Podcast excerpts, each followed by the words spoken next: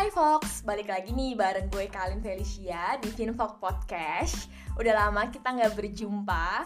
Nah, hari ini gue nggak sendirian nih. Hari ini gue pengen ngobrol-ngobrol santai tuh Bareng temen gue yang tadi suaranya barusan muncul di sini udah ada Rindang Hai Rindang Hai, hai Kal, halo semuanya.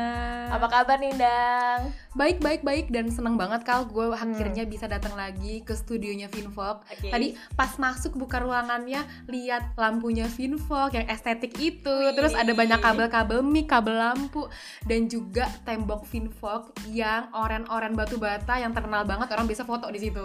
udah sering lihat ya di Iya. Instagram Betul. Oke, hari ini gue pengen ngajak lu ngobrol-ngobrol Rindang Ya, gue penasaran nih. Kan Rindang ini punya eh, bisnis kan? Ya, ada beberapa lah gitu. Nah sebenarnya Ndang kalau misalkan di bisnis lo itu media sosialnya siapa sih yang handle? Apakah lo itu punya orang desain ya. yang lo bayar secara in house atau lo kerjain sendiri? Atau gimana sih? Gue pengen tahu Oke. aja. Kepo. Iya, jadi eh, pernah ngalamin semuanya sih Kal. Oke. Jadi dulu kita ada desainer in-house. Jadi kita Mm-mm. punya satu tim media sosial, ada untuk khusus orang desain, terus Mm-mm. ada juga yang eh, konten creatornya seperti itu. Oke. Tapi sekarang untuk orang desain kita nggak in-house lagi. oke in-house lagi karena enam bulan ini lagi pandemi, eh, Mm-mm. gue melakukan efisiensi lah di usaha Oh, gue. Jadi sekarang untuk desain gue pakai aplikasi untuk desain dan itu sangat membantu gue dan juga tim yang di mana kita semua tuh buta soal desain. Bisa Oke. bikin kontennya tapi nggak bisa desainnya gitu. Oke oke, bener Hmm. banget sih ya. Mungkin teman-teman pendengar di sini juga mengalami hal yang sama gitu, Ndang. Kayak Ya. selama pandemi ini mungkin harus neken budget, tapi media sosial juga harus berjalan, ya kan? Iya. Soalnya ada yang bilang nih, Ndang, katanya gini, kalau misalkan toko online lo itu aja kelihatan yang nggak hidup, orang bakal wondering apa kabar toko asli lo gitu kan? Iya iya iya. Jadi media sosial harus berjalan, ya tapi gimana ya kalau hire orang mungkin lebih mahal atau Mm-mm. segala macam. Nah, gimana? Iya, jadi aplikasi yang tadi gue sebutin itu Mm. sangat membantu eh, tim gue banget untuk bikin konten ya kan. Oke. Dan eh, tapi memang hasilnya ya nggak bisa 100% sama kayak desainer grafis ya Kal. Beda ya. Yang di mana mereka tuh pakainya kan eh, Adobe, terus abis itu Illustrator, Photoshop, kayak gitu. Tapi untuk basic design Mm-mm. seperti untuk usaha gue itu masih bisa banget Hmm, oke. pakai aplikasi tersebut. Nah mungkin nih para pendengar udah pada penasaran itu yang dari tadi Rina sama kalian ngomongin aplikasi apa sih? Atau Oke. kalian udah mulai nebak nih aplikasinya tuh apa? Udah pada tahu jangan-jangan nih? Ya bener nih teman-teman. Jadi kalau misalkan kalian itu follow Instagram at Finfox Channel, waktu bulan Juli Ndang, kita juga Mm-mm. ngepost ngebahas tentang salah satu founder dari aplikasi desain Iya. Canva. Nah dia itu adalah Melanie Perkins, seorang wanita asal Aussie. Dia yang bikin Canva Ndang ternyata. Wow, iya sih, gue baca eh, postingan Finvlog mengenai Hmm. aplikasi Canva ini dan lihat ternyata owner dari Canva ini perempuan dan dia wanita terkaya nomor tiga ya di Aussie. Bener banget. Nah, terus banyak banget tuh yang ka- kasih komen-komen positif kan pada Iya. bilang katanya ini aplikasi yang aku pakai juga. Oke oke gitu oke. kan. Lu juga pakai gak? Gue pakai, gue Oke. subscribe. itu ngebantu banget. Betul. Bahkan anak desain kita juga kayak ngelihat, wah ini emang dulu tuh dia ngerasa kayak, wah ini aplikasi apaan sih lah nggak banget lah pakai Mm-mm. template, nggak banget buat Mm-mm. anak digi gitu. Mm-mm. Tapi ternyata dia bilang ngebantu sih Oke sebenarnya. oke, iya sih benar. Gitu. Nah terus tapi kalau misalkan nih eh, lo ngelihat ceritanya dia jadi wanita no- terkaya nomor tiga di Aussie, sebenarnya awalnya itu nggak semudah dia bikin boom langsung jadi Canva. Iya iya, gimana tuh ceritanya? Berliku-liku ya pastinya. Bener, jadi waktu dia umur 14 tahun, dia itu udah mulai ini ndang jualan kayak scarf-scarf yang dia gambar sendiri, dia Wow, printing, iya, terus iya. dia pasarin ke toko-toko, ke pasar-pasar deket Mm-mm. rumahnya dia.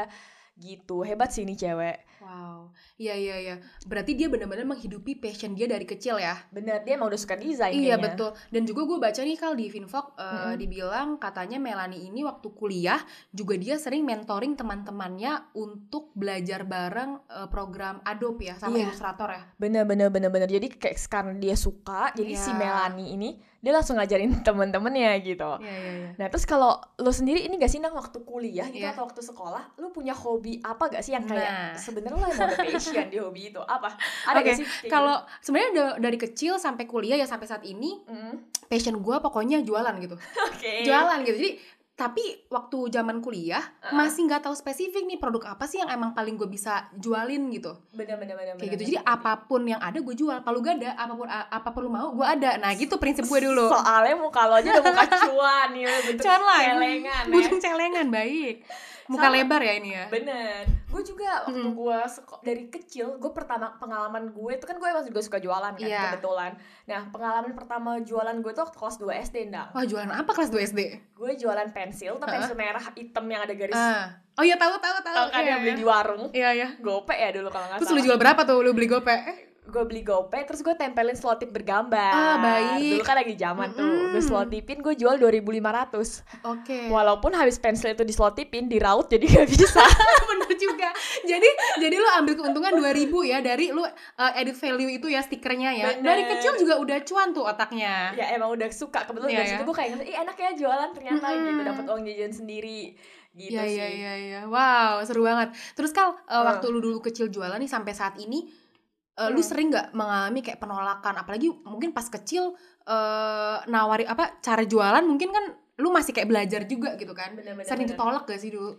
Kayak Kalau- orang nggak mau beli gitu. Kalau pengalaman gue pribadi sih ya Iya. kalau waktu kecil karena kelas 2 SD anak cewek ya kan matanya sipit kurus Oke. jualan ke ibu-ibu ya pada nggak nolak kasihan kan ya udahlah gue beli 2500 terus kadang-kadang kalau tante-tante cuma senyum-senyum doang gue bilang tante beli dong bayangin kalau anak tante yang jualan gue kayak gitu oh, Beb. bisa ngambil hati ya. bukan maksa Jadi ngambil hati sama maksa beda tipis. beda tipis.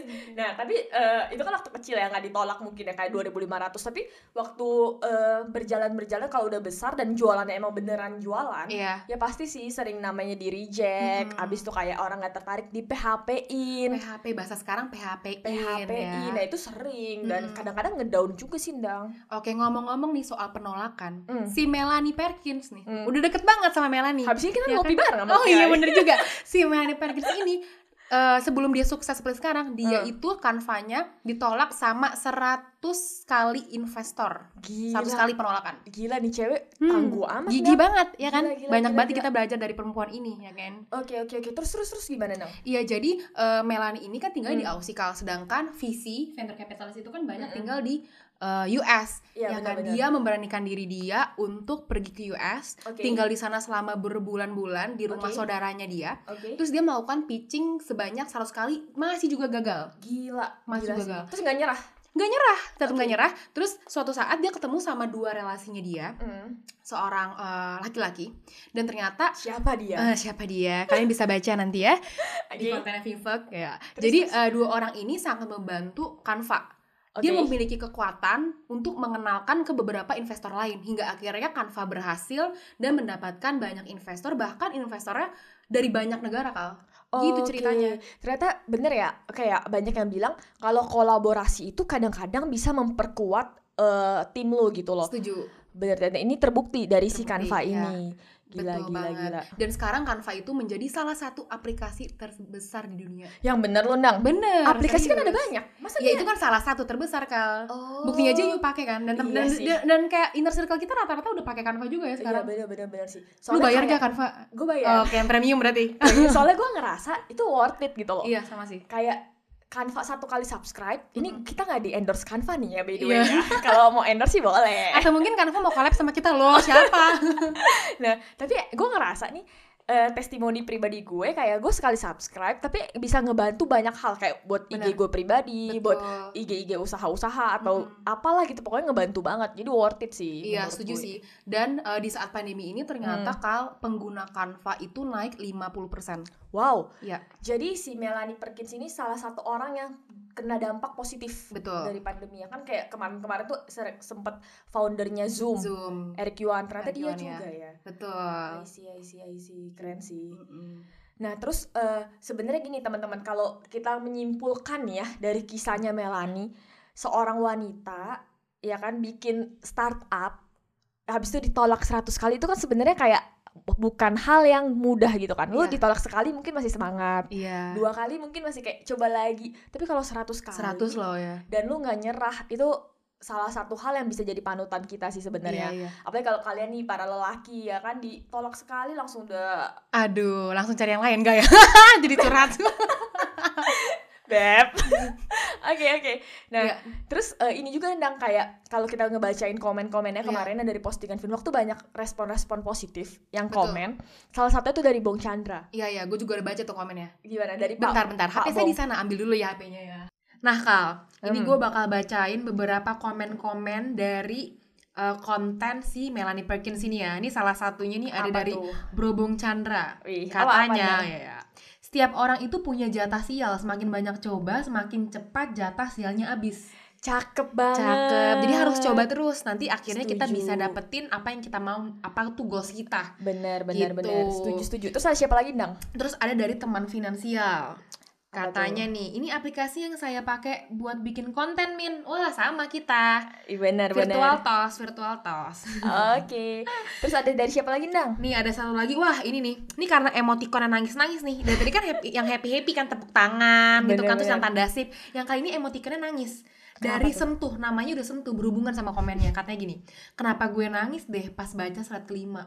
Apaan tuh slide kelima? Coba coba coba. lihat lihat. Emang Gua slide lihat. kelima apa? Sentuh slide apa sih yang bikin kamu nangis? Coba.